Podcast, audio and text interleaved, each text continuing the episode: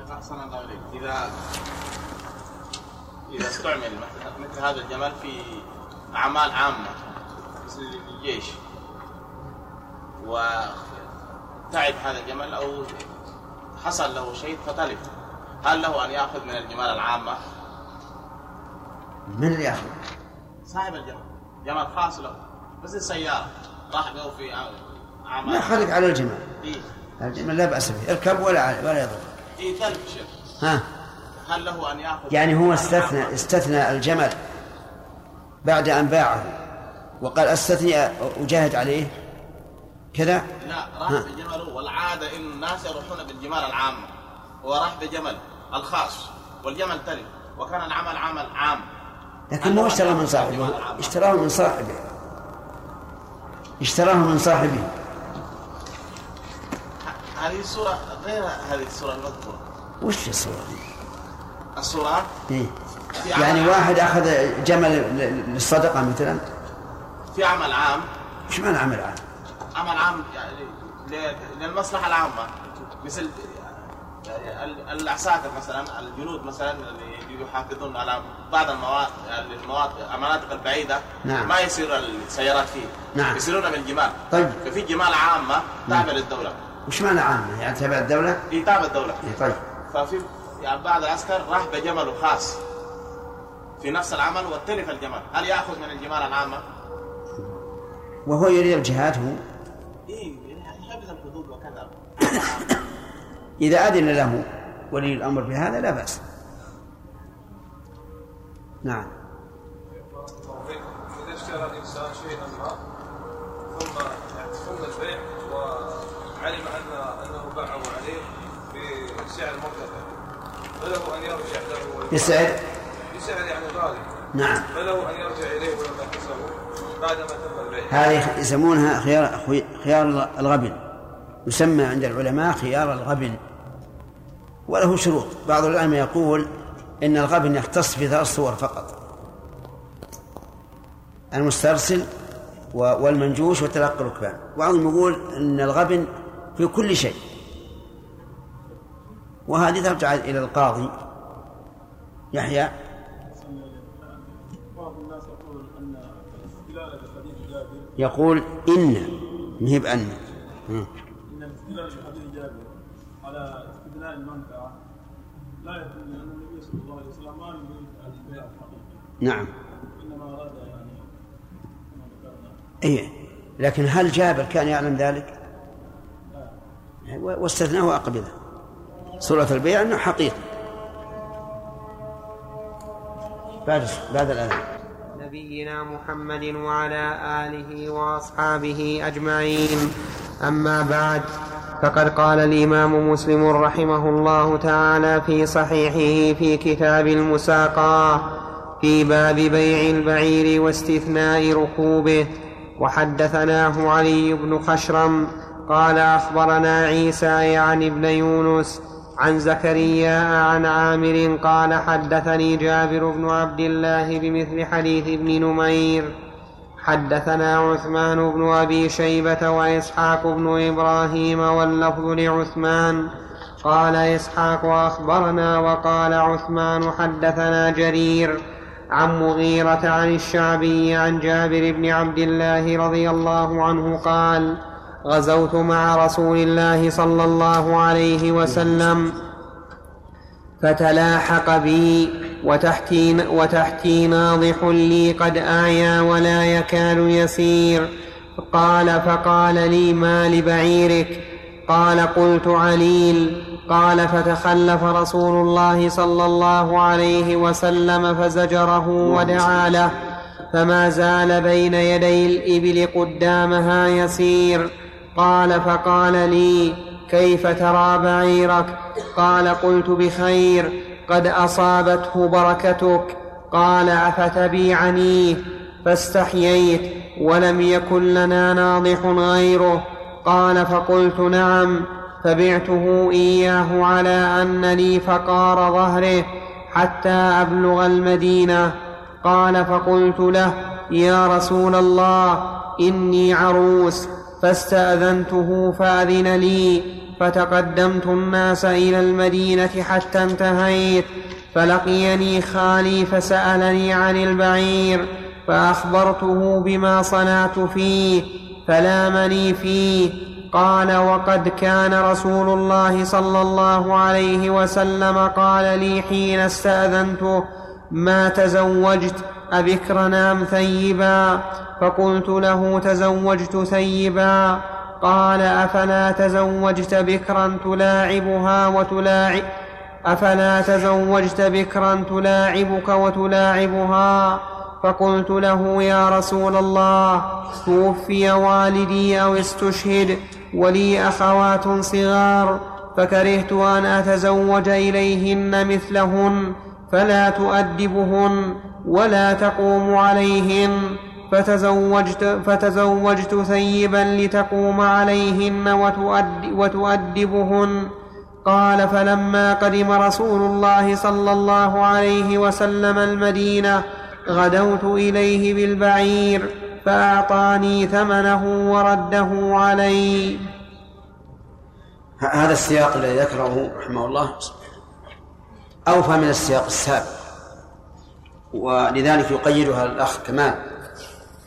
وفيه فوائد منها أن الصحابة رضي الله عنهم قد يغزون على نواضحهم والنواضح هي الإبل التي يستسقون عليها لبساتين مما يدل على أنهم قليل ذات اليد رضي الله عنهم وأرضاهم. ومنها أن النبي صلى الله عليه وسلم كان من هديه وحسن سيرته أنه يكون في أخريات القوم لماذا؟ ها؟ يتزاع نعم لماذا؟ لأنه تأخر عن البعير لا لماذا يتأخر يكون في أخريات القوم؟ من تواضعه غير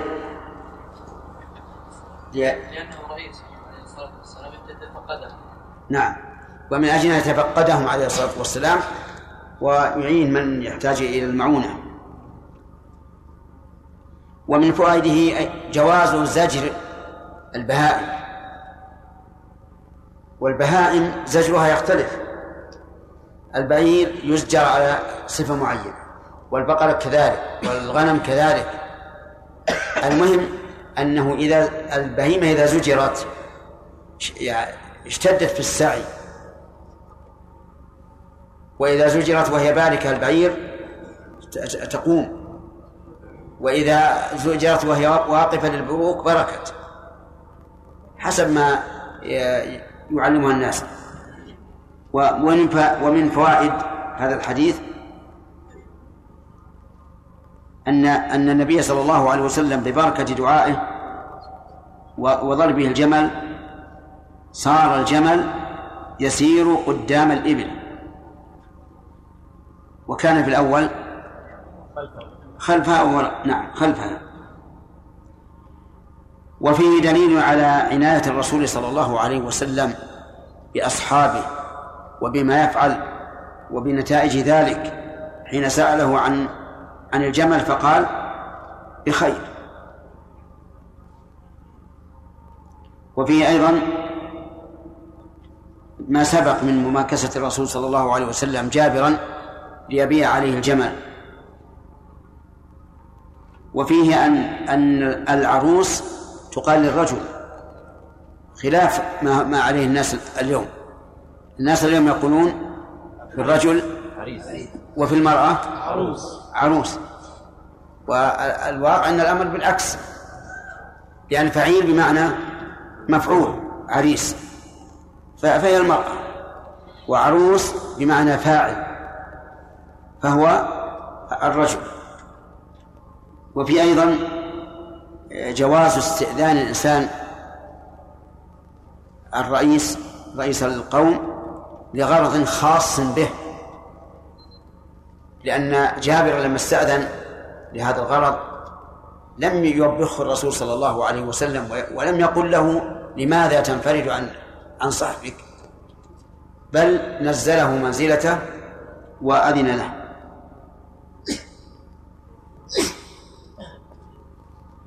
وفي أيضا آه، دليل على جواز لوم العبد على فعل ما لا ينبغي. ولو كان ذلك في نظر اللائم. لأن خال جابر لامه على ما صنع حين باعه على النبي صلى الله عليه وسلم وهو ناضح وليس عنده غيره. ومن فائد هذا الحديث جواز سؤال الراعي رعيته عن الأشياء الخاصة من أجل الدلالة على ما ينبغي أن يكون. وذلك حين سأل النبي صلى الله عليه وسلم جابرا هل تزوج بكرا أم ثيبا وهذه من المسائل الخاصة لكن لما كان النبي صلى الله عليه وعلى آله وسلم له الرعاية وأن رعايته أحسن الرعاية سأل أبكرا أم ثيبا ومن, ومن فوائد هذا الحديث الترغيب في نكاح البكر. لأن الرسول صلى الله عليه وسلم قال أفلا تزوجت بكرا تلاعبك وتلاعبها.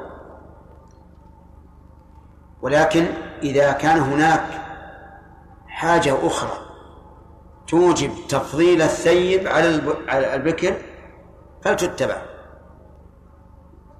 ومن فائدة هذا الحديث بيان ذكر الأشياء التي يكون فيها الترغيب لما ينبغي فعله.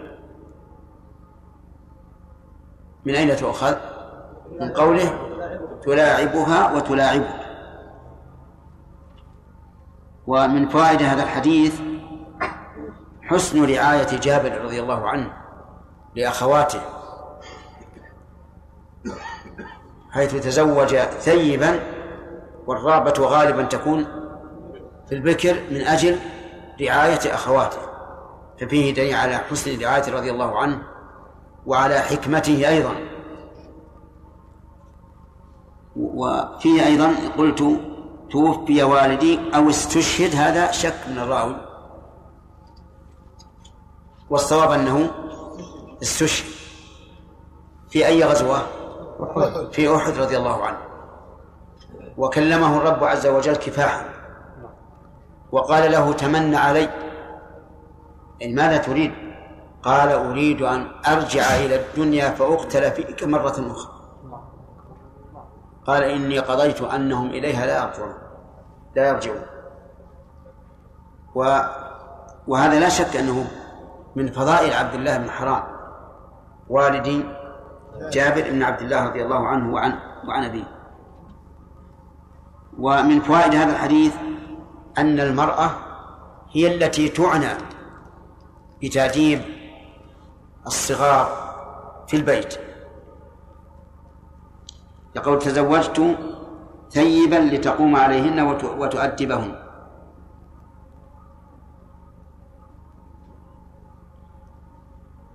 لأنه لأنه لو تزوج بكرا فالبكر غالبا تكون صغيرة. فلا فائدة بالنسبة للبنات الصغار. فاختار الكبيرة الثيب من أجل أن تؤدبهن. وعلى هذا فلو تنازع الزوجان أيهما الذي يقوم بتأديب البنات في البيت؟ فالحق على من؟ الحق على المرأة.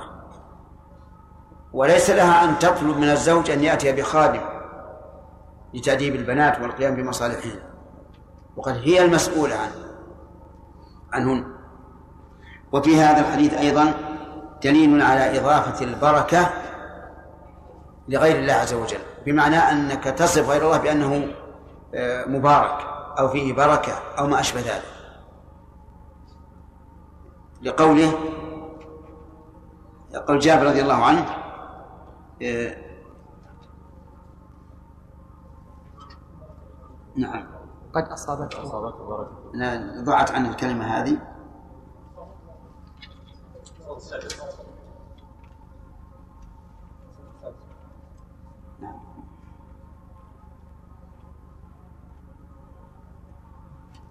نعم. قال قلت بخير قد أصابته بركتك أصابته بركة الرسول عليه الصلاة والسلام. هل وبدعائه له أو بضربه؟ أو بهما؟ الظاهر بهما. فهل يقال للإنسان هذه بركتك أو انتفعنا ببركتك أو ما أشبه ذلك؟ الجواب. أما إذا كانت البركة معنوية كعالم حضر إلى البيت وأدى فيه موعظة وذكر فيه أحكاما. فلا حرج أن نقول حصلت لنا البركة بقدومه لأن العلم لا شك أنه بركة. وأما إذا كانت البركة بالذات بجسم فقط فهذا لا يقال إلا إيش؟ إلا للرسول صلى الله عليه وعلى آله وسلم. فإن قال قائل أليس أسيد بن حضير رضي الله عنه؟ قال لعائشة حين نزلت آية التيمم لما انحبس الناس من أجل عقدها قال ما هذه أول بركتكم يا آل أبي بكر؟ فالجواب بلى. لكن هذه بركة إيش؟ معنوية. بركة معنوية بركة العلم. حيث نزلت الآية بسبب ضياع العقد الذي انحبس الناس من أجله على غير ماء. فأنزل الله تعالى آية التيمم. الآن الناس يستعملون هذا. يقول والله حلت فينا البركة بقدومك. نقول لا بأس إذا كانوا يقصدون البركة المعنوية بركة العلم أو بركة التوجيه آه، أو ما أشبه ذلك. أو البركة إذا أعطاهم مالا مثلا. أما بركة مجرد حضور جسمه فلا. والبقية الفوائد مستفادة مما سبق. نعم. حدثنا عثمان بن أبي يحسن أن تذكر ال- الروايات. تحط ال- اللي في السياق هذا بين قوسين. نعم. حدثنا عثمان بن أبي شيبة قال حدثنا جرير عن الأعمش عن سالم بن أبي الجعد عن جابر قال أقبلنا من مكة إلى المدينة مع رسول الله صلى الله عليه وسلم فاعتل جملي وساق الحديث بقصته وفيه ثم قال لي بعني جملك هذا. قال قلت لا بل هو لك. قال لا بل بعنيه قال قلت لا بل هو لك يا رسول الله. قال لا بل بعنيه قال قلت فإن لرجل علي أوقية ذهب فهو لك بها. قال قد أخذته فتبلغ عليه إلى المدينة.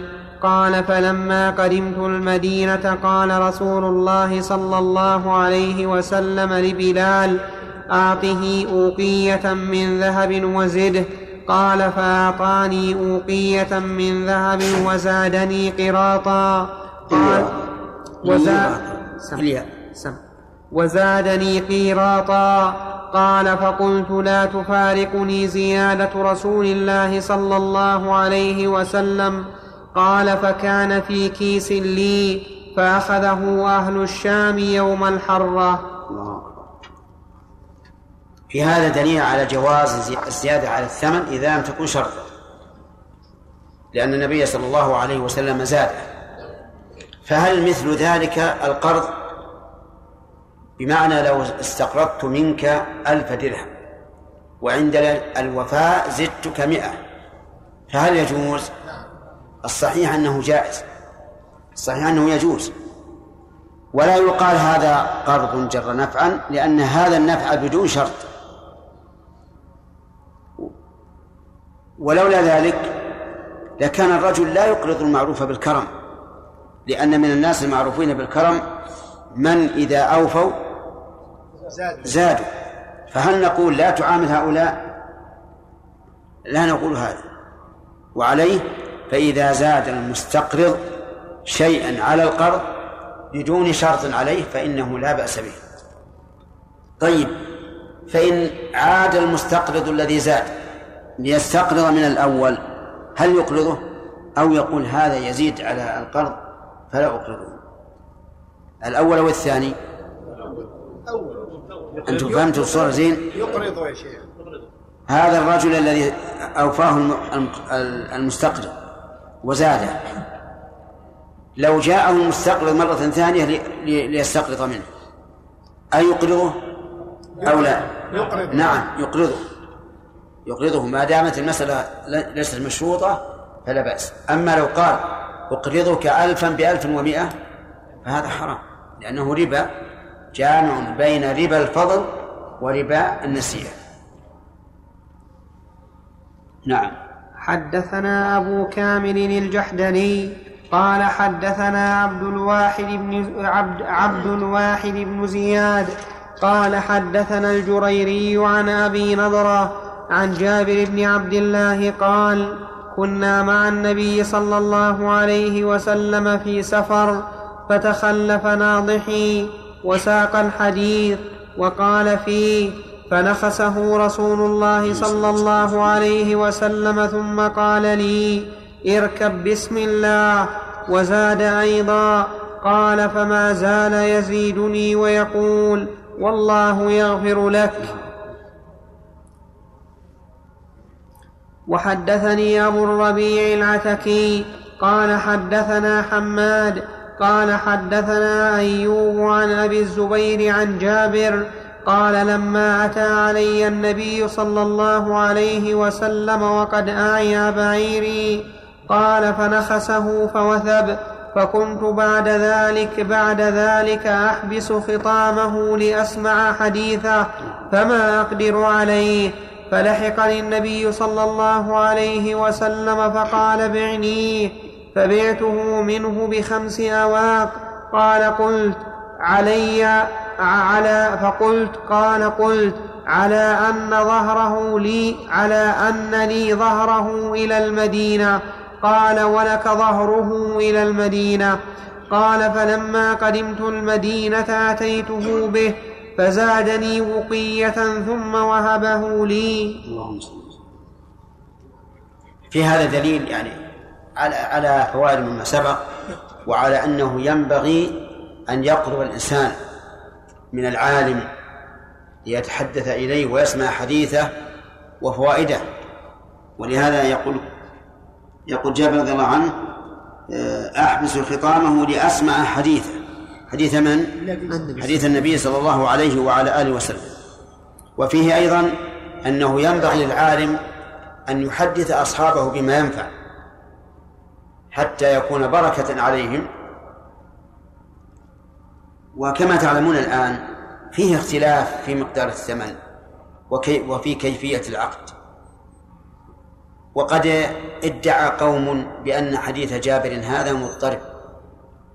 لاختلاف الرواة فيه هذا الاختلاف البين ولكن الصحيح عند أهل الاصطلاح أنه إذا لم يختلفوا في أصل القضية فإن مثل هذه الأشياء يقع فيها الاختلاف حتى من الحفاظ ولا يعد ذلك اضطرابا.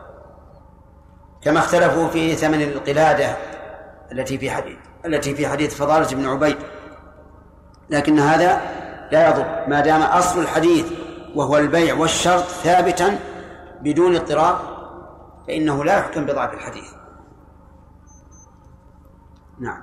حدثنا عقبة بن مكرم حدثنا عقبة بن مكرم العمي قال حدثنا يعقوب بن إسحاق قال حدثنا بشير بن عقبة عن أبي المتوكل الناجي عن جابر بن عبد الله قال سافرت مع رسول الله صلى الله عليه وسلم في بعض أسفاره.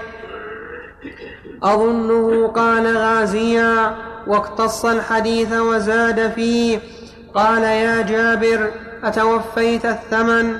قلت نعم. قال لك الثمن ولك الجمل لك الثمن ولك الجمل.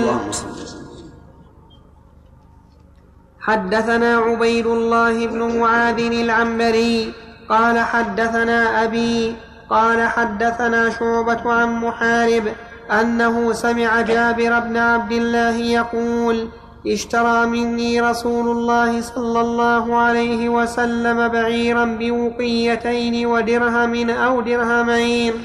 قال فلما قدم فلما قدم صرارا أمر ببقرة فذبحت فأكلوا منها فلما قدم المدينة أمرني أن آتي المسجد فأصلي ركعتين ووزن لي ثمن البعير فأرجح لي. حد فلما قدم صرارا هذا اسم موضع. موضع قرب المدينة يسمى صرارا. وقوله أمر ببقرة فذبحت فأكل منها. هذا فيه رد بل فيه دليل. على أن الحديث الذي صححه بعض الناس وهو أن لحم الإبل داء البقر البقر داء ولبنها دواء أو شفاء أنه حديث باطل. ويبطله القرآن الكريم. فإن الله تعالى صرح بالقرآن بأن البقر حلال. فهل يحل الله لعباده ما يكون داء عليهم؟ أبدا. لا يمكن هذا. لو كان داء لا- لحرمه الله عز وجل.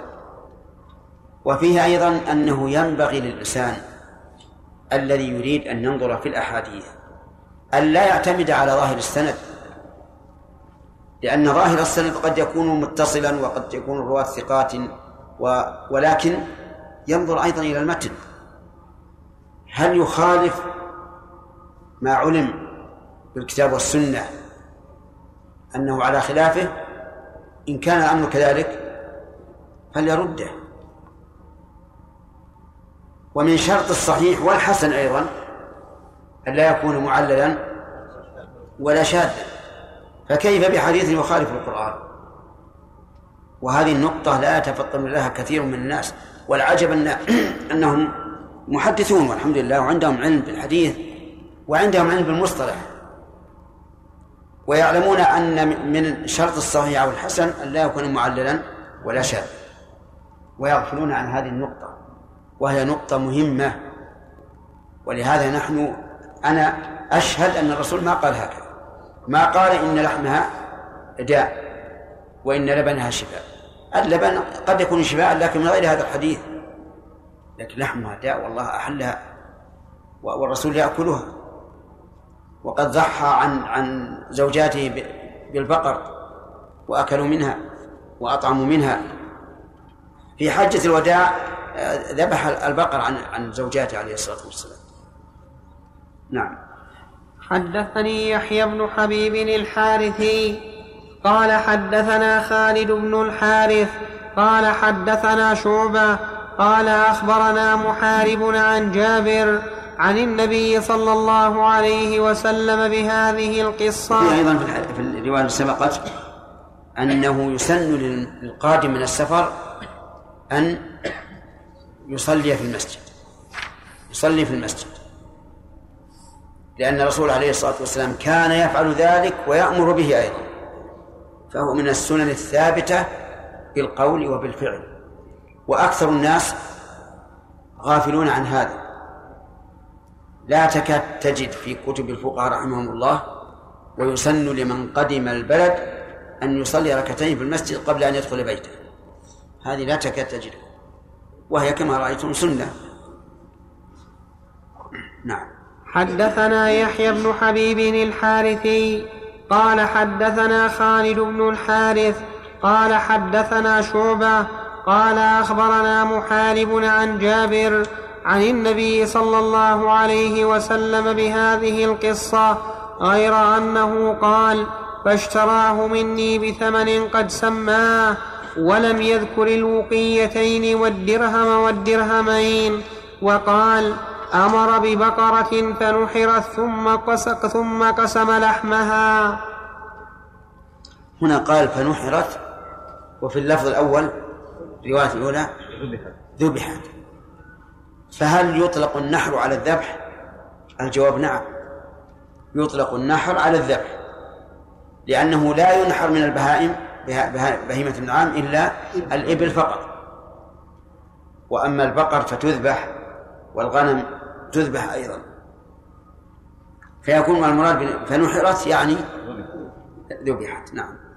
حدثنا أبو بكر بن أبي شيبة قال حدثنا ابن أبي زائدة عن ابن جريج عن عطاء عن جابر أن النبي صلى الله عليه وسلم قال له قد أخذت جملك بأربعة دنانير ولك ظهره إلى المدينة.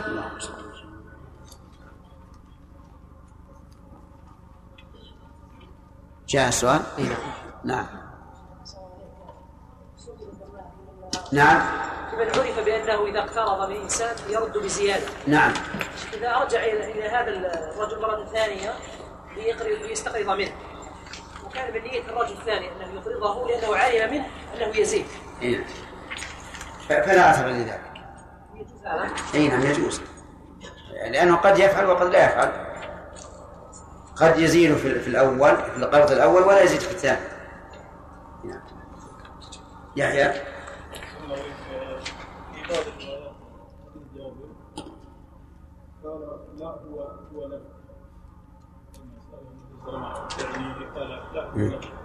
هذه من الألفاظ التي تعتبر شاذة لأن أكثر الروايات على أنه لم لم يهبه له. في الروايات على أن الرسول هو الذي طلب بيعه. نعم. إذا قدم المسافر إلى بلده والمساجد مغلقة يحيى إيه. هي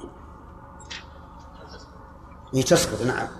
إذا إذا قدم البلد والم- والمساجد مغلقة سقطت السنة لسقوط مكانها. لا بأس يذهب إليه. ولذلك لو أنه مثلا اعتمد أن يصلي في أول مسجد في البلد لكان أحسن. لا لا المحطات خارج البلد. ها؟ في البلد نفسه. هل تصلى فيها الصلوات الخمس؟ مسجد. إيه نعم. يحصل نعم تعالى منه المسجد إذا إذا رجع.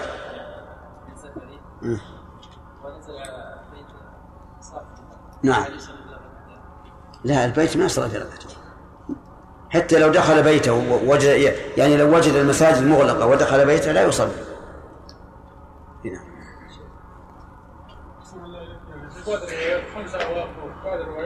ركعتين تكلمنا على هذا. قلنا اختلاف الرواة في الثمن هذا اختلافا كثيرا لكن هذا لا يوجب أن يكون الحديث مضطربا لأ- لأن أصله وهو البيع والاستثناء لم يختلف فيه الرواة نعم. شيخ بارك الله فيكم. يعني كثيرا ما نراكم تلتمسون حكما لبعض أفعال النبي صلى الله عليه وسلم. فهل ترون شيخ حكمة لصلاة الركعتين آه، آه، إذا قدم من السفر إيه. في المسجد؟ اي نعم. الحكمة والله أعلم أن يكون سلامه في بيت الله على على على وتحيته لربه عز وجل قبل أن أن يحيي أهله. هذا والله أعلم حكمة. نعم بالنسبة لكلمه عروس ما يصح اطلاقها على المراه إيش؟ عروس لا. ما يصح العروس للرجل والعريسة هي المرأة. وإن شئت فراجع كتب اللغة. راجع كتب اللغة لأجل بعد تتحفنا ربما يكون جائز في اللغة. ذكر النووي حفظك الله. نعم. النووي رحمه الله. ذكر أنه يطلق على كليهما. عليك إليهما نعم. وكذلك رجعت اليها في القاموس فقال إنها تطلق عليه. وعريس. عريس للرجل أيضا تطلق وللمراه الرجل والمرأة يصح هذا وهذا إيه، تأكد عاد وجيبها لنا نعم؟ نعم هل يجوز ان نقول ان فلان استشهد اذا قتل في معركه؟ لا ما نشهد لشخص بعينه ما لا نشهد لشخص بعينه لكن عبد الله بن حرام لأن الصحابة كلهم يقولون شهداء أحد. يطلقون عليهم الشهداء.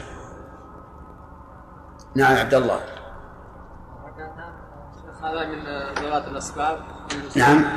من ذوات الأسباب يعني يصلي في وقت يعني لو قدم البلد بعد العصر بعد صلاة العصر. يصلي لأنها من ذوات الأسباب. شيخ بارك الله هل ركعتي السفر؟ البلد الذي هو مقيم فيه أم اذا اذا ذهب مثلا إلى الرياض يصلي هناك؟ لا الله أنها البلد اللي هو مقيم فيه يعني انتهاء سفر و- وسفره لا ينتهي إلا برجوعه إلى بلده. الظاهر انه الطيبة التي عمر آه، جابر. عبد الله نعم البنات يعني ليست مناطق فإذا ممكن أن نقول الإنسان ممكن أن يتزوج امرأة لخدمة أهله. يتزوج لخدمة هذا سؤال جيد لأن أخوات جابر ليس لسن بنات لزوجته اللي هو تزوج. نقول نعم لأن الزوجة عليها أن تربي أولاد زوجها في البيت. نعم يا أحمد. نعم. يجوز أن يذبح ما ينحر وينحر ما يذبح. لكن الأفضل اتباع السنة في ذلك. البعيد إذا نحرتها إذا ذبحتها صعب جدا. لأن الدم يصعب انقياده إلى إلى إلى أعلى الرقبة. فلهذا كان من الحكمة أن البعير تنحر حتى يكون الدم يخرج بسرعة ويتفرق بسرعة يتفرغ بسرعة. نعم. الأسئلة هذه أكثر من ثلاثة. نعم. نعم. يلا. وخالد خالد أسكت هذه الليلة. باب من استسلف شيئا فقضى خيرا منه وخيركم احسنكم قضاء.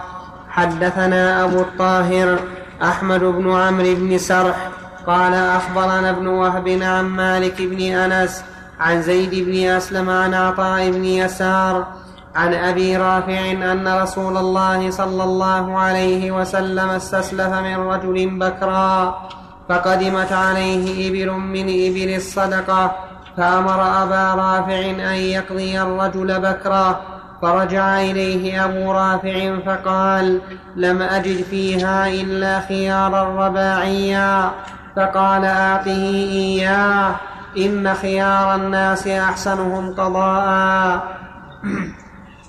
هذا أحسن في الصفة؟ هذا أحسن في الصفة. يعني أنه استسلف عليه الصلاة والسلام بكرا صغيرا ورد خيارا رباعيا فهذا أحسن مما استقرض بالصفة. وهذا لا أشكال فيه. ولهذا لو لو استسلفت من شخص برا وسطا وأعطيته برا جيدا فلا بأس. والصحيح كما سمعتم فيما سبق أنه حتى في الكمية لا بأس بالزيادة ما لم تكن شرطا. أفهمت؟ فهمت؟ أنت؟ ما فهمت؟ أين ذهبت؟ عجب جزاك الله خير. أين ذهبت؟ لا تكن جبانا. أين ذهبت؟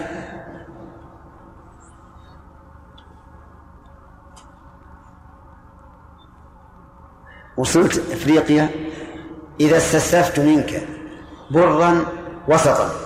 وأعطيتك بدلا عنه برا جيدا. يجوز أو لا يجوز؟ نعم السؤال له. هذا اللي صرح ودنا يهضر شوي. نعم. يجوز؟ طيب استسلفت منك صاعا وأعطيتك صاعين. لا يجوز؟ لست معنا من أول الدرس. اللهم اهده ها؟ يجوز. إذا لم يكن شرطا. تمام. وفي هذا الحديث الحث على حسن القضاء. حسن القضاء يكون بأمور منها أن يقضيه خيرا مما يطلبه ومنها أن لا يماطله لا يماطله و ومنها أن يعطيه بسماحة لا بتكرر بعض الناس صحيح يوفي ولا يماطل لكن إذا أعطاك كأنه يمن عليك بشيء واجب عليه. نعم. حدثنا أبو كريب قال حدثنا خالد بن مخلد عن محمد بن جعفر قال سمعت زيد بن أسلم قال أخبرنا عطاء بن يسار عن أبي رافع مولى رسول الله صلى الله عليه وسلم قال استسلف رسول الله صلى الله عليه وسلم بكرا بمثله غير أنه قال فإن, خي... فإن خير عباد الله أحسنهم قضاء. في هذا دليل على جواز الاستقرار من وجهاء القوم وأعيان القوم لأن النبي صلى الله عليه وسلم لا شك أنه خير الناس وسيد الناس ومع ذلك يستسلف. فلا يعد هذا من السؤال المذموم ولا يعد هذا مما يخالف المروءة بل لا بأس به. إي نعم. حدثنا محمد بن بشار حدثنا محمد بن بشار بن عثمان العبدي قال حدثنا محمد بن جعفر قال حدثنا شعبة عن سلمة بن كهيل عن أبي سلمة عن أبي هريرة قال كان لرجل على رسول الله صلى الله عليه وسلم حق فأغلظ له فهم به أصحاب النبي صلى الله عليه وسلم فقال النبي صلى الله عليه وسلم إن لصاحب الحق مقالا. فقال لهم اشتروا له سنا فأعطوه إياه. فقالوا إنا لا نجد إلا سنا هو خير من سنه. قال فاشتروه فأعطوه إياه فإن من خيركم أو خيركم أحسنكم قضاء. في هذا الحديث حسن خلق النبي صلى الله عليه وسلم حيث صبر على إغلاق هذا الرجل. وهذا الرجل يظهر والله أعلم أنه من الأعراب لأن الأعراب ليس عندهم الرقة في المعاملة. وكما مر عليكم الأعرابي الذي جذبه جذب رداءه حتى أثر في رقبته عليه الصلاة والسلام. فالتفت إليه ولم يعنفه. وفي أيضا دليل على محبة الصحابة للرسول عليه الصلاة والسلام وتوقيرهم له حيث همه بهذا الرجل. وفيه دليل على عدل النبي صلى الله عليه وسلم حيث قال إن لصاحب لصاحب الحق مقالا. فهل نقول هذا العموم يشمل ما إذا قال عنه في غيبته أو لا؟ يعني في حضرته لا بأس أن صاحب الحق يتكلم لكن إذا كان غائبا فهل لمن له الحق أن يتكلم فيه ويقول فلان مطلني فلان ظلمني وما أشبه ذلك؟ الجواب نعم لأن لأن الله تعالى يقول لا يحب الله الجهر بالقول ها؟ الجهر لا يحب الله الجهر بالسوء من القول إلا من ظلم. الله أكبر الله أكبر.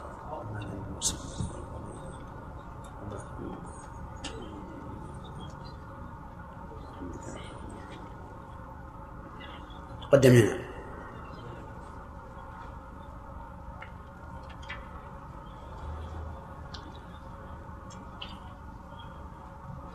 وفي هذا الحديث دليل على جواز التوكيل في الشراء وجواز التوكيل في الوفاء يعني أن توكل من يوفي عنك.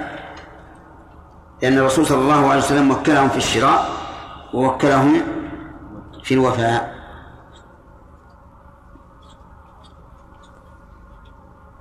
وفيه أيضا دليل على ما ترجم له وهو جواز الوفاء بأوفى وأحسن مما يجب. السلام على أشرف الأنبياء والمرسلين نبينا محمد نبينا محمد وعلى آله وأصحابه أجمعين. أما بعد فقد قال الإمام مسلم رحمه الله تعالى في كتاب المساقاة في باب من استسلف شيئا فقضى خيرا منه وخيركم أحسنكم قضاء. حدثنا قية الحديث قرانا كثيرا من هذا من هذا الباب. بقى طريقين أحسن الله نعم. بقي طريقان مم. نعم. حدثنا أبو كريب قال حدثنا وكيع عن علي بن صالح عن سلمة بن كهيل عن أبي سلمة عن أبي هريرة قال استقرض رسول الله صلى الله عليه وسلم سنا فأعطى سنا فوقه وقال خياركم محاسنكم قضاء. حدثنا محمد بن عبد الله بن نمير قال حدثنا أبي قال حدثنا سفيان عن سلمة بن كهيل عن أبي سلمة عن أبي هريرة قال جاء رجل يتقاضى رسول الله صلى الله عليه وسلم بعيرا فقال أعطوه سنا فوق سنه. وقال خيركم أحسنكم قضاء. اللهم صل الحديث الطريق المطول يكتب. باب جواز بيع الحيوان بالحيوان من جنسه متفاضلا. حدثنا يحيى بن يحيى التميمي وابن رمح قال أخبرنا الليث حا وحدثنيه قتيبة بن سعيد. قال حدثنا ليث عن أبي الزبير عن جابر قال جاء عبد فبايع النبي صلى الله عليه وسلم على الهجرة ولم يشعر أنه عبد فجاء سيده يريده فقال له النبي صلى الله عليه وسلم بعنيه فاشتراه بعبدين أسودين ثم لم يبايع أحدا بعد حتى يسأله أعبد هو. شرح حديث شرح الحديث. نعم. شوف الدار قطني قوله جاء عبد فبايع النبي صلى الله عليه وسلم على الهجرة. هذا محمول على أن سيده كان مسلما ولهذا باعه بالعبدين الأسودين. والظاهر أنهما كانا مسلمين ولا يجوز بيع العبد المسلم لكافر ويحتمل أنه كان كافرا أو أنهما كانا كافرين. ولا بد من ثبوت ملكه للعبد الذي بايع على الهجرة إما ببينة وإما بتصديق العبد العبد قبل إقراره بالحرية. وفيه ما كان عليه النبي صلى الله عليه وسلم من مكارم الأخلاق والإحسان العام فإنه كره أن يرد ذلك العبد خائبا بما قصده من الهجرة وملازمة الصحبة فاشتراه ليتم, فاشتراه ليتم له ما أراد. وفيه جواز بيع عبدين بعبد وفيه, وفيه جواز بيع عبد بعبدين. سواء كانت القيمة متفقة أو مختلفة وهذا مجمع عليه إذا بيع نقدا. وكذا حكم سائر الحيوان فإن باع عبدا بعبدين أو بعيرا ببعيرين إلى أجل فمذهب الشافعي والجمهور جوازه. وقال أبو حنيفة والكوفيون لا يجوز وفيه مذاهب لغيرهم والله أعلم. الصواب أنه يجوز أن يبيع عبدا بعبدين وشاة بشاتين وبعيرا ببعيرين لأن الربا لا يجري فيها. والربا يجري في الأصناف الستة وما شاركها في العلة على القول بالقياس في هذه المسألة. في كلام في زيادة؟ في في زيادة كثيرة. نعم. من هذا؟ هذا أحسن الله إليك القرطبي. المفهم؟ المفهم. نعم. قوله جاء عبد فبايع النبي صلى الله عليه وسلم على الهجرة ولم يشعر أنه عبد. فيه دليل على أن الأصل في الناس الحرية ولذلك لم يسأل إذ حمله على ذلك الأصل حيث لم يظهر له ما يخرجه عن ذلك. ولو لم يكن الأمر كذلك لتعين أن يسأله. وهذا أصل مالك في هذا الباب فكل من ادعى ملك أحد من بني آدم كان مدفوعا إلى بيان ذلك لكن إذا ناكره المدعي لكن إذا ناكره المدعي رقه والدع لكن المدعى. إذا نا المدعى رقه وضع عندي. ها؟ وضع عندي ياء المدعي وادعى الحرية لكن إذا نكره المدعي وادعى الحرية المدعى رقه ما هو تقول رقه؟ إي بعد. المدعي. اي نعم. المدعى رقه يعني أنكر قال ما لست عبدا لك.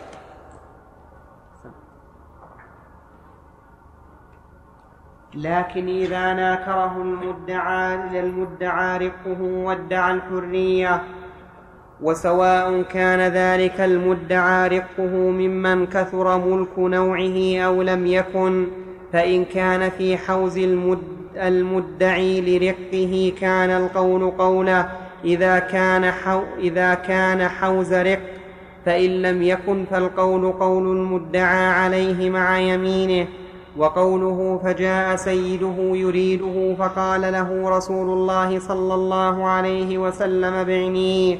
لم يرد في شيء من, طرق من طرقه أنه صلى الله عليه وسلم طالب سيده بإقامة بينة فيحتمل أن يكون النبي صلى الله عليه وسلم علم صحة ملكه له حين عرف سيده. ويحتمل أن يكون اكتفى بدعواه وتصديق العبد له فإن العبد بالغ عاقل يقبل إقراره على نفسه. ولم يكن للسيد من ينازعه ولم يكن للسيد من ينازعه ولا يستحنف السيد كما إذا ادعى اللقطة وعرف عفاصها ووكاءها أخذها ولم يستحلف لعدم المنازع فيها.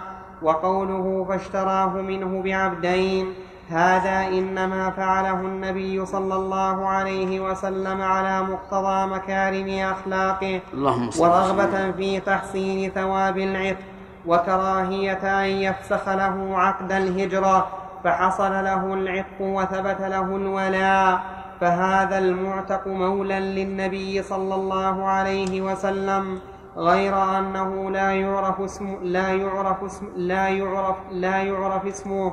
وفيه دليل على جواز بيع الحيوان بالحيوان متفاضلا نقدا وهذا لا يختلف فيه. وكذلك في سائر الأشياء ما عدا ما يحرم التفاضل في التفاضل في نقله من الربويات على ما قدمنا. وأما بيع ذلك بالنسيئة ففيه تفصيل وخلاف نذكره. فذهب الكوفيون إلى منع ذلك في الحيوان فلا يجوز عندهم فرس بفرسين ولا شاة بشاتين مطلقا إلى أجل اختلفت صفاتها أو اتفقت لنهيه صلى الله عليه وسلم عن بيع الحيوان بالحيوان نسيئة خرجه البزار من حديث ابن عباس والترمذي من حديث الحسن عن سمرة وقال إنه حسن صحيح. قلت ويلزمهم على هذا ألا يجيزوا بيع الحيوان بمثله ولا بخلافه فلا يجيزون بيع شاة بشاة ولا بفرس إلى فلا يجيزون بيع شاة بشاة ولا بفرس إلى أجل ويلزمهم عليه ألا يجيزوا فيه القرض وكل ذلك معلوم البطلان من الشرع ويدل على خلاف ما قالوه. ما روي من حديث عبد الله بن عمرو بن العاص أنه صلى الله عليه وسلم أمره أن يجهز جيشا فنفدت الإبل فأمره أن يأخذ البعير بالبعيرين إلى الصدقة ومنع مالك ذلك في الجنس الواحد والجنسية المعتبرة عنده هي اتفاق الأغراض والمنافع دون الخلق والألوان. مخافة الوقوع في سلف يجر نفعا فإذا تباينت المقاصد واختلفت المنافع جاز ذلك فيجوز عنده حمار فيجوز عنده حمار فارغ في حمارين في حمارين من من حواشي الحمر إلى أجل ونقدا ولا يجوز في مثليه إلى أجل لأنه سلف جر نفعا. وكذلك في الثياب وسائر العروض. وقد روي نحو ذلك عن علي وابن عمر والزهري. وأجاز الشافعي ذلك كله مع الاتفاق والاختلاف. وتابعه على ذلك الثوري وأبو ثور. وروي عن ابن عباس مثله لحديث عبد الله بن عمرو المتقدم. ولم يروا أنه يلزم منه ما حذره مالك. وقد انفصلت المالكية عن حديث عبد الله بن عمرو بأنه محمول على مختلف الجنسين بحسب اختلاف الأسنان والمقاصد بدليل قوله فيه أمره أن يأخذ في قلائص الصدقة البعير بالبعيرين. فلو كان البعير المأخوذ ناجزا من جنس البعيرين المأخوذين إلى أجل لكان هذا السلف الجار نفعا المتفق على منعه. لكان هذا السلف لكان هذا السلف لكان هذا السلف لكان هذا السلف الجار نفعا السلف لكان هذا السلف الجار نفعا. المتفق على منعه. اتفق. المتفق على منعه لأنه لم يقترن به صيغة بيع ولا شيء يدل ولا ولا شيء يدل عليه. فالصورة صورة القرض. ولا مفرق بينها وبين البيع فيمنع فلا بد أن يقدر فيها اختلاف الجنسين. وبهذا التأويل يصح الجمع بين الأحاديث. أعني بين هذا الحديث وبين النهي عن سلف جر نفعا والجمع أولى من الترجيح. فإن لم يقبل هذا التأويل فالقضية محتملة مترددة بين أن يكون البعير من جنس البعيرين. أو من غير جنسهما على حد سواء فالتحق بالمجملات فلا يكون فيه حجة لهم ونبقى نحن متمسكين بالقاعدة الكلية التي هي حماية المحرمات. والله تعالى أعلم. وقوله فلم يبايع أحدا بعد حتى يسأل هذا فيه نظر قوله حماية المحرمات لأن لدينا قاعدة كلية أقوى منها. وهي أحل الله البيع. ولذلك إذا اختلف الناس هل هذا البيع حرام أو حلال فعلى من يدعي على التحريم الدليل. نعم. وقو وقوله فلم يبايع أحدا بعد حتى يسأله عبد هو يعني أنه لما وقعت له هذه الواقعة أخذ بالحزم والحذر فكان يسأل من يرتاب فيه. وفيه من الفقه الأخذ بالأحوط. قوله لم يبايع أحد يعني ليس من البيع إلا تبادل السلع. لم يبايع يعني على الهجرة أو على الإسلام أو ما أشبه ذلك. وظاهر الحديث العموم لم يبايع أحدا. وتقييده بمن يرتاب فيه لا بأس به لأن الذي لا يرتاب فيه لا حاجة أن يسأل. ثم إن في الحديث إشكالا وهو أن الرسول عليه الصلاة والسلام إذا سأل فلا بد أن يأخذ بما يقول وإلا لا فائدة من السؤال. فهل يقبل أن يقول البشر إنه عبد؟ يقال إنه في في عهد النبي صلى الله عليه وسلم يقبل لأنهم يعلمون أنهم لو كذبوا على الرسول لفضحهم الله عز وجل. فلا يمكن أن يكذبوا. لكن في عهدنا لا نقبله إذا قال أنا عبد فلان أو أنا عبد أو ما أشبه ذلك.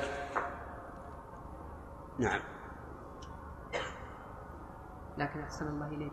ما تبين لي الجمع بين نهي النبي صلى الله عليه وسلم عن بيع الحيوان بالحيوان نسيئة وعن حديث لا الجمع بينهما غير ما ذكر القرطبي رحمه الله. الجمع بينهما إذا قصد اللحم. إذا قصد اللحم صار قصد الطعام. فلا يجوز. وإذا لم يقصد اللحم إنما قصد المنافع والحيوان فهو جائز كما في حديث عبد الله بن عمرو. فيقول النهي عما إذا قصد اللحم لأنه حينئذ يكون باع لحما بلحم آه، مع تأخير القبض. نعم يا سليم. وجاء السؤال. إيه يلا تفضل. حجة قوية. إيش إن؟ إن؟ أنه اللي يدعي إن بيع جر المسألة دي نفع. بعض الحيوانات بعير بعيرين ما يعادل بعير واحد. أي. لا لا بالقيم ولا ولا ولا لا بالرقم أي نعم. لو يباع بعيرين ما صار صحيح. بعض بعض النوق تساوي عشرة أو خمسة عشر. نعم. نعم. باب الرهن وجوازه في الحضر في الحضر والسفر. حدثنا يحيى بن يحيى وأبو بكر بن أبي شيبة ومحمد بن العلاء واللفظ ليحيى ليحيى. قال يحيى أخبرنا وقال الآخران حدثنا أبو معاوية عن الأعمش عن إبراهيم عن الأسود عن عائشة قالت اشترى رسول الله صلى الله عليه وسلم من يهودي طعاما بنسيئة فأعطاه درعا له رهنا. وهذا في كان في المدينة. فدل على جواز الرهن في الحضر كما يجوز في السفر. وأما من قال إنه لا يجوز إلا في السفر فيقال إن الله تعالى قال وإن كنتم على سفر ولم تجدوا كاتبا فرهان مقبوضة بين لعباده أنه إذا تعذر التوثق بالكتابة فهنا طريق آخر وهو الرهن. فيكون قوله إن كنتم على سفر بيان لواقع الحال وليس يعني أنه لا يحل إلا في السفر وإلا لقلنا إنه لا يحل إلا إذا عدم إيش؟ الكاتب. ولا يحل أيضا إلا إذا قبض الرهن. فالصواب أنه جائز في الحضر والسفر لكن الآية ذكرت آه، الأقصى ما يكون من عدم التوثقة. وذكر الله عز وجل أنه إذا كان على سفر ولم يجد كاتبا يشهد بالحق فليرهن. رهنا ويقبضه. ويقبضه. وفي هذا الحديث ما كان عليه النبي صلى الله عليه وعلى آله وسلم من قلة ذات اليد مع أن هذا كان في آخر حياته لأنه صلى الله عليه وعلى آله وسلم مات ودرعه مرهونة عند هذا اليهودي. وفي أيضا دليل على أن الرهن يقبضه المرتهن لأن لا تتم التوثقة إلا بذلك لكن هل الرهن هل القبض شرط للزوم. في ذلك قولان للعلماء. القول الأول أنه شرط للزوم وأنه إذا رهنه شيئا ولم ولم يقبضه إياه صار الرهن جائزا لو شاء لفسخه الراهن. لكن هذا القول ضعيف. والصواب أن القبض ليس شرطا للزوم. وعمل الناس عليه قديما وحديثا. الآن يرهن الإنسان السيارة وهو إيش؟ يستعملها يرهن البيت وهو ساكنه. وما زال قضاتنا يعملون بهذا القول وهو القول الراجح أن القبض ليس بشرط للزوم الرهن وفيه أيضا دليل على جواز معاملة اليهود. لأن النبي صلى الله عليه وعلى آله وسلم عامل هذا اليهودي. وفيه دليل على أن من كانت يظن أن في ماله محرما أو علمنا فلا بأس بمعاملته. ما دامت المعاملة, المعاملة التي بيننا وبينه على طريق صواب فلا بأس. وفيه أيضا جواز رهن العدو ما كان من آلة الحرب. لكن بشرط الأمان.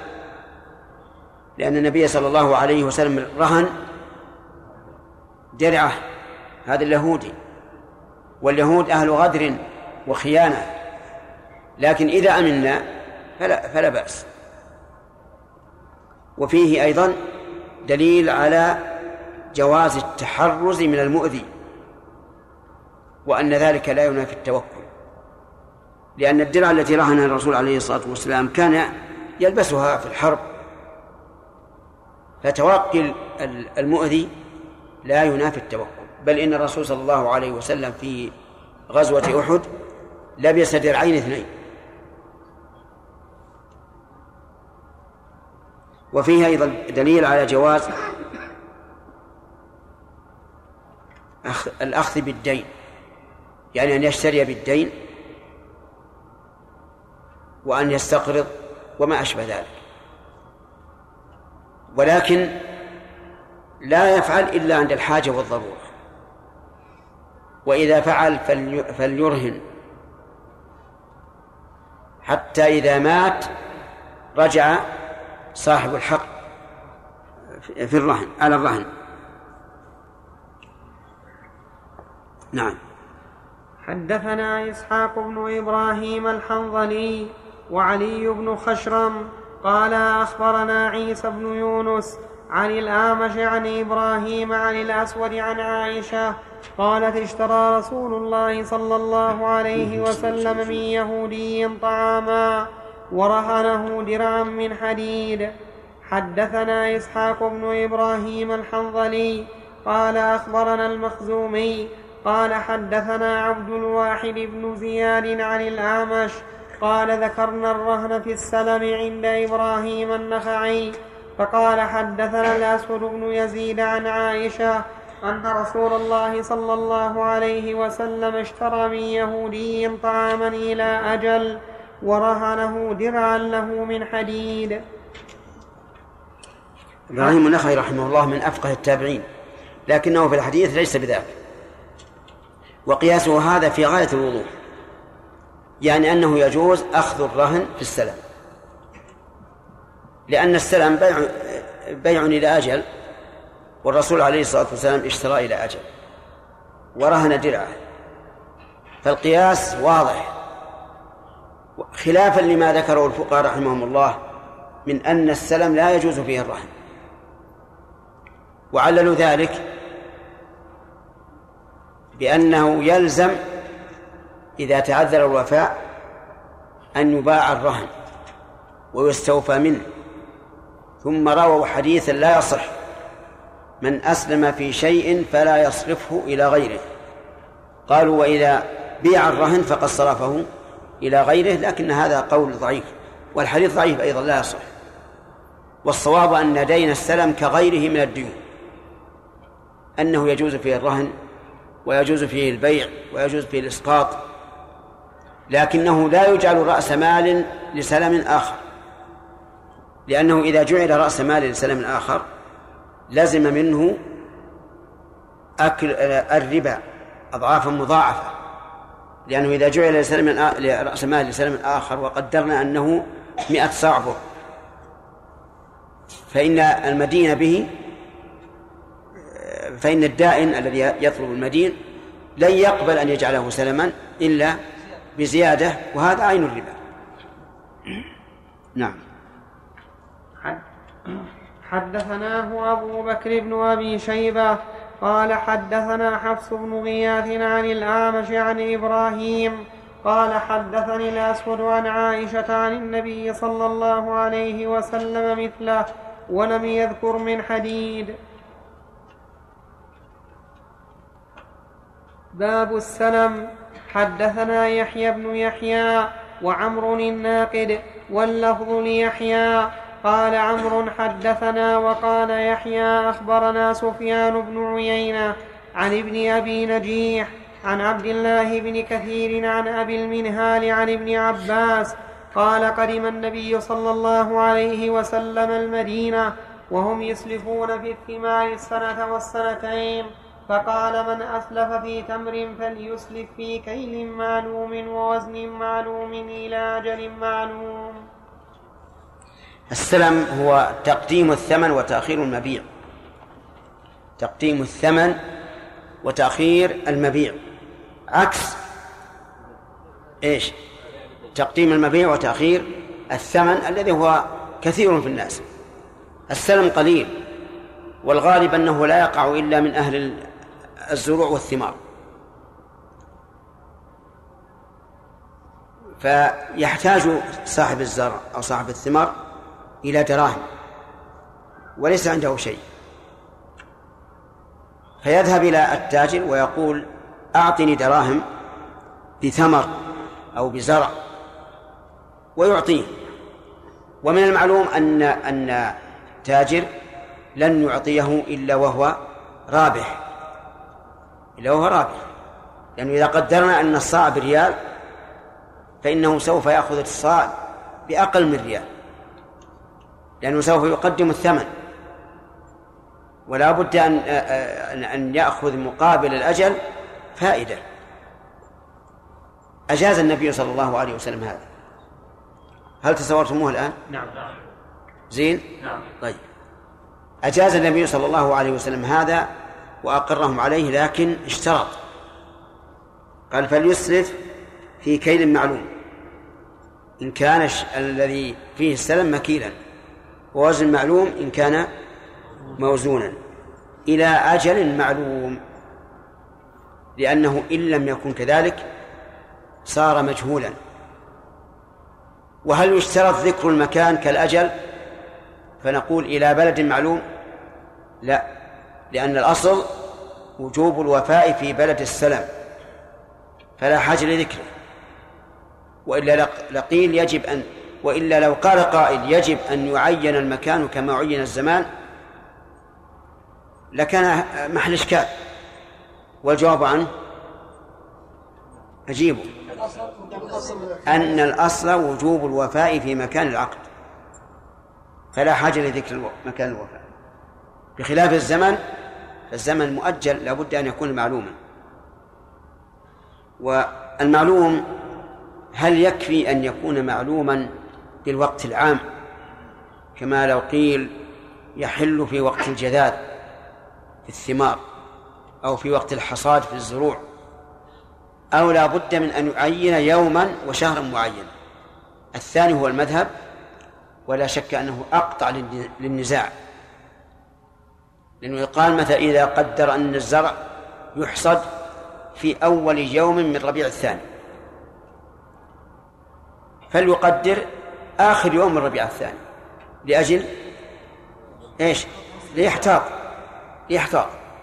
أما إذا قال إلى وقت الحصاد فالحصاد وإن كان معلوما على سبيل العموم لكن ليس دقيقا في التحديد. فيحصل بذلك عند الاستيفاء يحصل النزاع.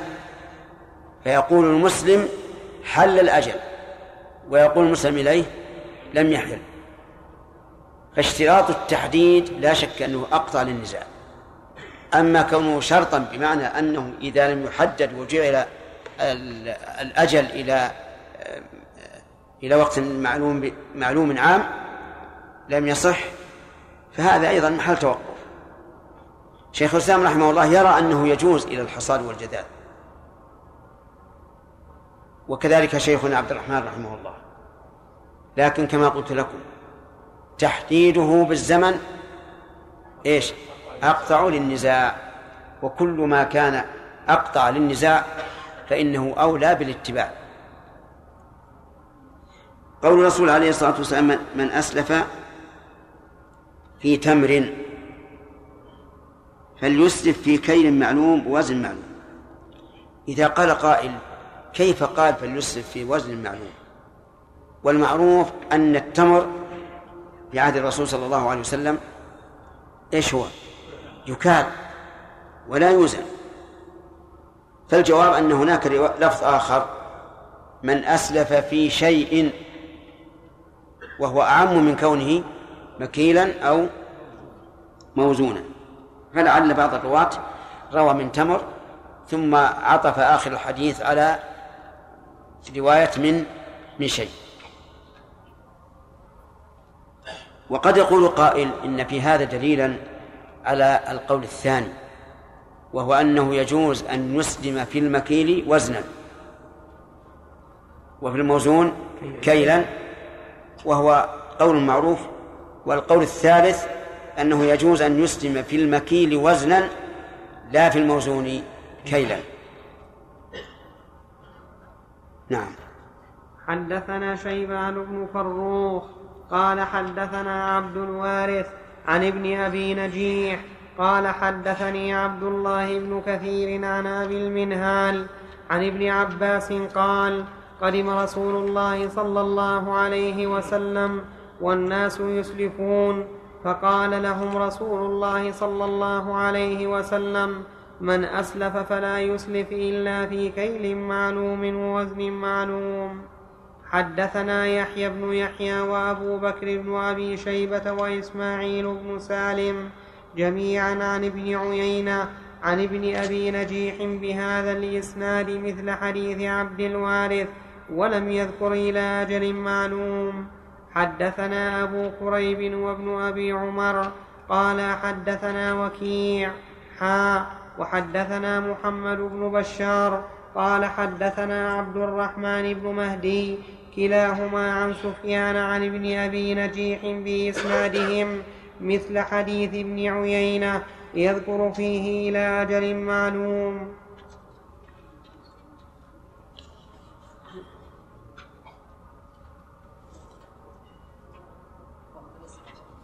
نعم. أسئلة؟ ما تبين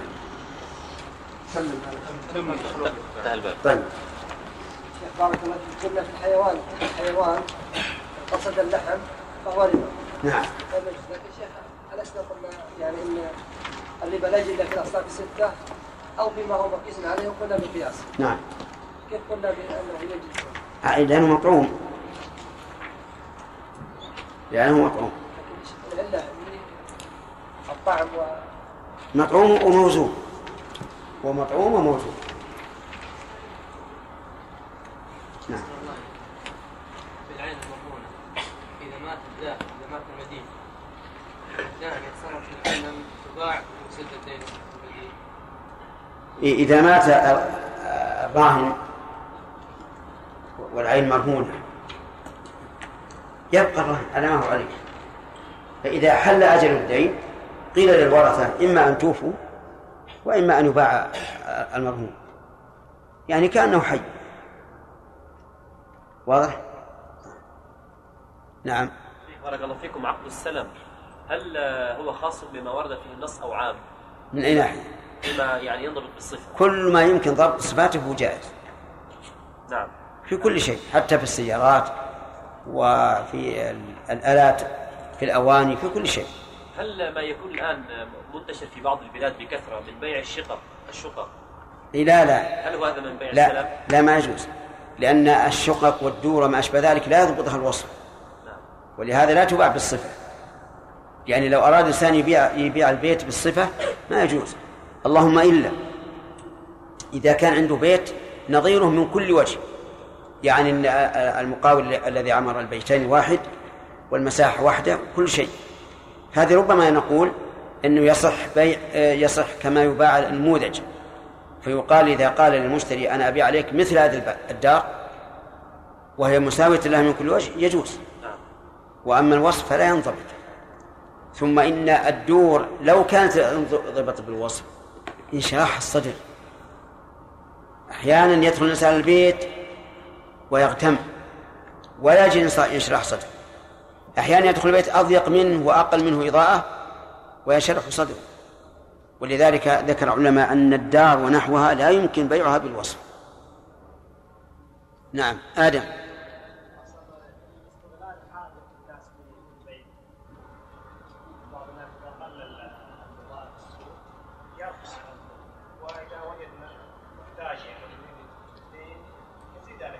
أي نعم. أما الأول فإن كان محتكرا فإنه يجبر كما أن يبيع كما يباع في العادة. وأما الثاني ففي حديث أن الرسول نهى عن بيع المضطر يعني عن البيع على البيع على المضطر. ولا يجوز الإنسان أنه يتضرر بالشخص إذا رآه مضطرا رفع عليه الثمن. ومثل هذا ينبغي أن أن تدخل أن يتدخل الأمير ويجبر البائع على أن يكون الثمن ثمن العادة إيش؟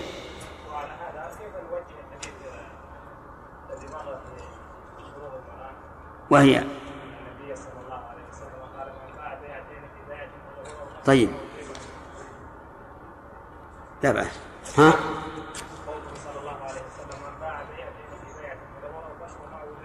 اي أتدري ما هي هذه؟ هذه مسألة العينة بعينها. أتعرف العينة؟ ها؟ نعم. هي هذه. يبيع السلعة بمائة ريال إلى أجل ثم يشتريها بثمانين نقدا. هذا هذان بيع هاتان بيعتان في بيعة المبيع واحد. فإما أن يأخذ الأوكس وهو الثمانون وأما إذا أخذ المئة المؤجلة فقد وقع في الردة واضح؟ ولا يمكن أن يحمل الحديث على على على غير هذا. ومن قال إن بيعتين في بيعة معناها أن نقول له هذا بعشرة نقدا أو بعشرين إلى أجل فقد أبعد النجعة وخالف الصواب. نعم.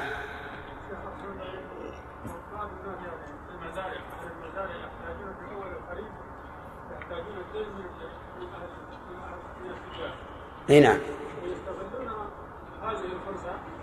من يستغل؟ نعم. ها؟ الا بالليل ياخذون منه يعني الساعة الواحد ب 10 ريال مثلا لو كان في السوق يعني ب 5 ريال على أساس انه لا بالعكس الظاهر. بالعكس. هذا يقدم يعني 10 يعني هو يساوي بالسوق عشرة هو أخذه بخمسة. التاجر أخذه بخمسة. أي نعم.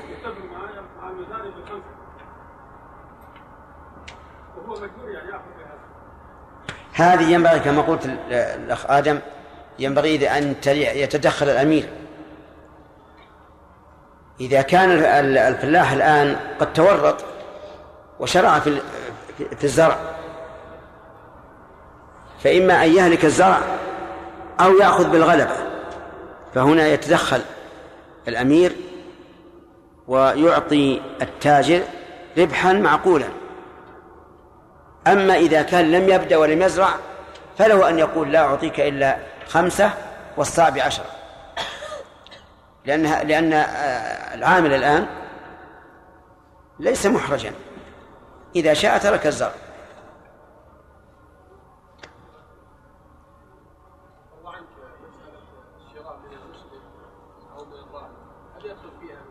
أو من؟ لا ما يدخل فيها الولاء والبراء أبدا. تبيع وتشتري من أبغض الناس إليك ومن أحب الناس إليك. نعم لو كان هناك يعني سياسة اقتصادية بمعنى أن نمنع الشراء ممن نخشى منه أن يستعين بثروته واقتصاده وقوة اقتصاده علينا فلا بأس. ننهى عنه. لا لا ينبغي. إذا كان سعر واحد والبضاعة واحدة لا لا ينبغي أن- يشتري من غير المسلم الله أكبر. الحمد لله رب العالمين وصلى الله وسلم وبارك على عبده ورسوله نبينا محمد وعلى آله وأصحابه أجمعين. أما بعد فقد قال الإمام مسلم رحمه الله تعالى في صحيحه في كتاب المساقاة باب تحريم الاحتكار في الأقوات. حدثنا عبد الله بن مسلمة بن قعنب قال حدثنا سليمان يعني ابن بلال عن يحيى وهو ابن سعيد قال كان سعيد بن المسيب يحدث أن معمرا قال قال رسول الله صلى الله عليه وسلم من احتكر فهو خاطئ. فقيل لسعيد فإنك تحتكر. قال سعيد إن معمرا الذي كان يحدث هذا الحديث كان يحتكر. بسم الله الرحمن الرحيم. الاحتكار هو منع الشيء. منع منع الشيء يسمى احتكارا. والمراد بالاحتكار أن يمنع الإنسان بيع السلع التي يحتاج الناس إليها سواء في الأقوات أو في الألبسة أو في الأواني أو غيرها. يحتكرها بحيث لا يكون غيره يبيعه فيجمعها من السوق ثم يحتكرها إما إلى موسم معين وإما أن يضرب عليها ثمنا كبيرا. يقول النبي عليه الصلاة والسلام إنه لا يحتكر إلا خاطئ أي إلا مرتكب إلا مرتكب للخطأ عن عمد. ويقال خاطئ ومخطئ. المخطئ هو الذي يرتكب الخطأ عن غير عمد وهذا لا إثم عليه لقوله تعالى ربنا لا تؤاخذنا إن نسينا أو أخطأنا والخاطئ هو الذي يرتكبه عن عمد. ومنه قوله تبارك وتعالى لا يأكله إلا الخاطئون فيحرم الاحتكار. لكن لو تجرأ أحد ففعل. واحتكر فإنه يلزم أن يبيعه كما يبيع الناس. يلزم أن يبيعه كما يبيع الناس. ولا ولا يحل له يا نعم يلزم كما أن يبيع كما يبيع الناس.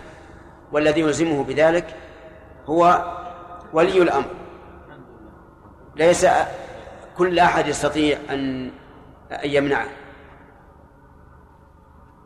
فإن قال قائل محمد وين صاحبك؟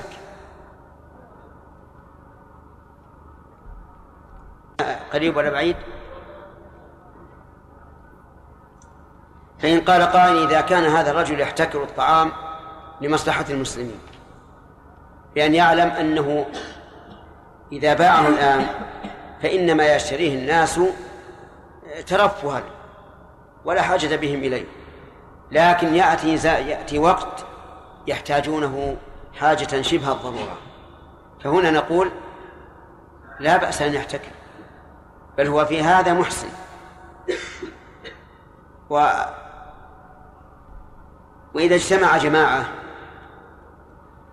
لا يبيع هذا الصنف من حاجة من حاجات الناس إلا هم.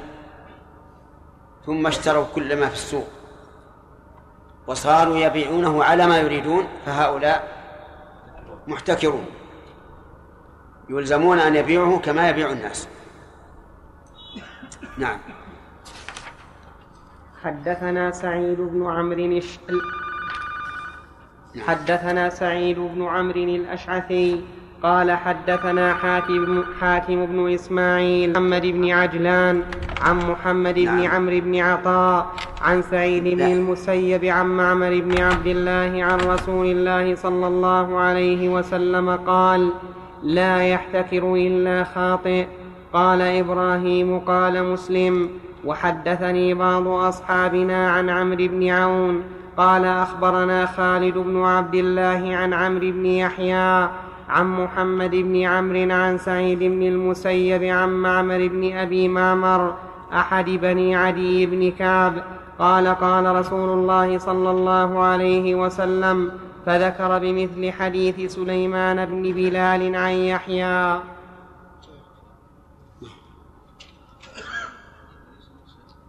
نعم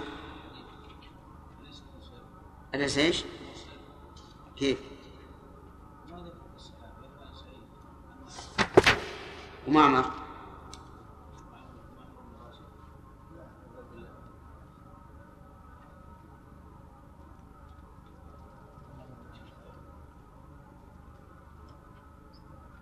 ما ذكر في الشرع.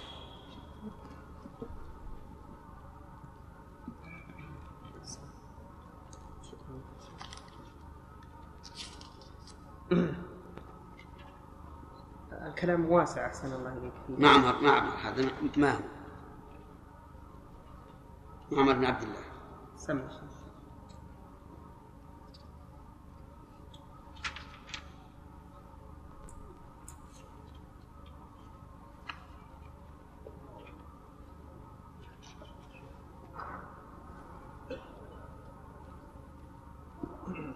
عن محمد بن عمرو عن سعيد بن المسيب قال الغساني وغيره هذا أحد الأحاديث الأربعة عشر المقطوعة في صحيح مسلم.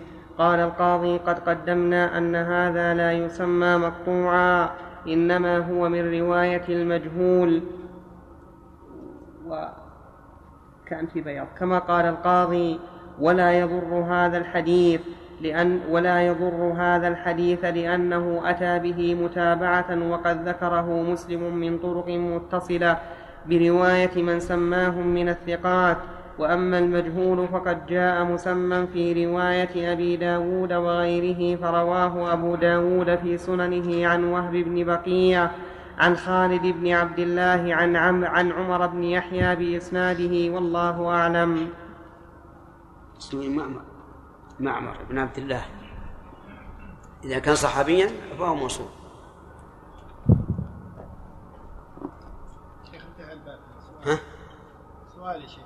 خلنا نشوف. أنت مهندس يا فراس. نعم.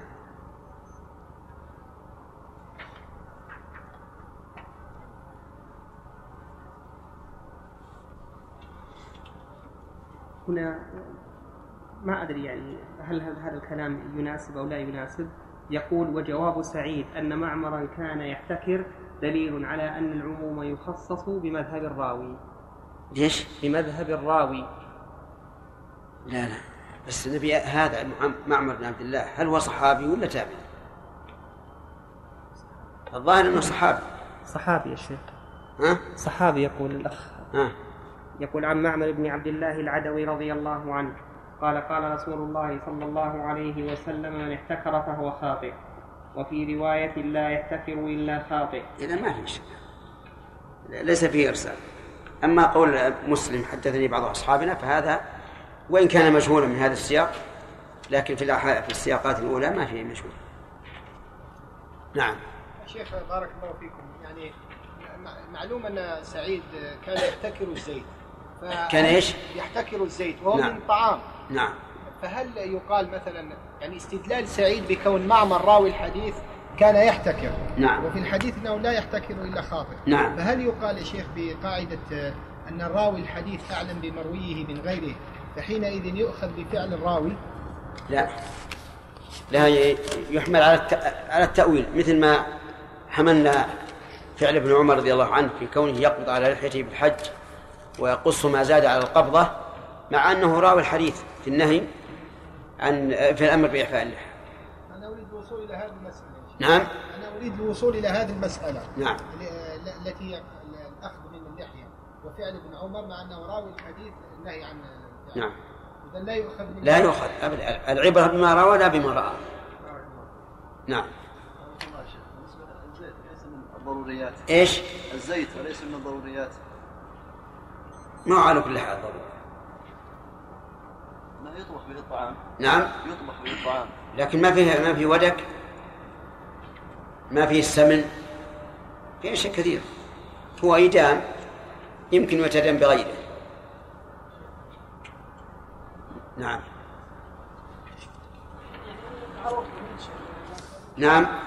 لكن انسان وكيل سلعة معينة دوله كامله هذا مو محرم يكون له هذا الظاهر من باب تنظيم ولاة الأمر.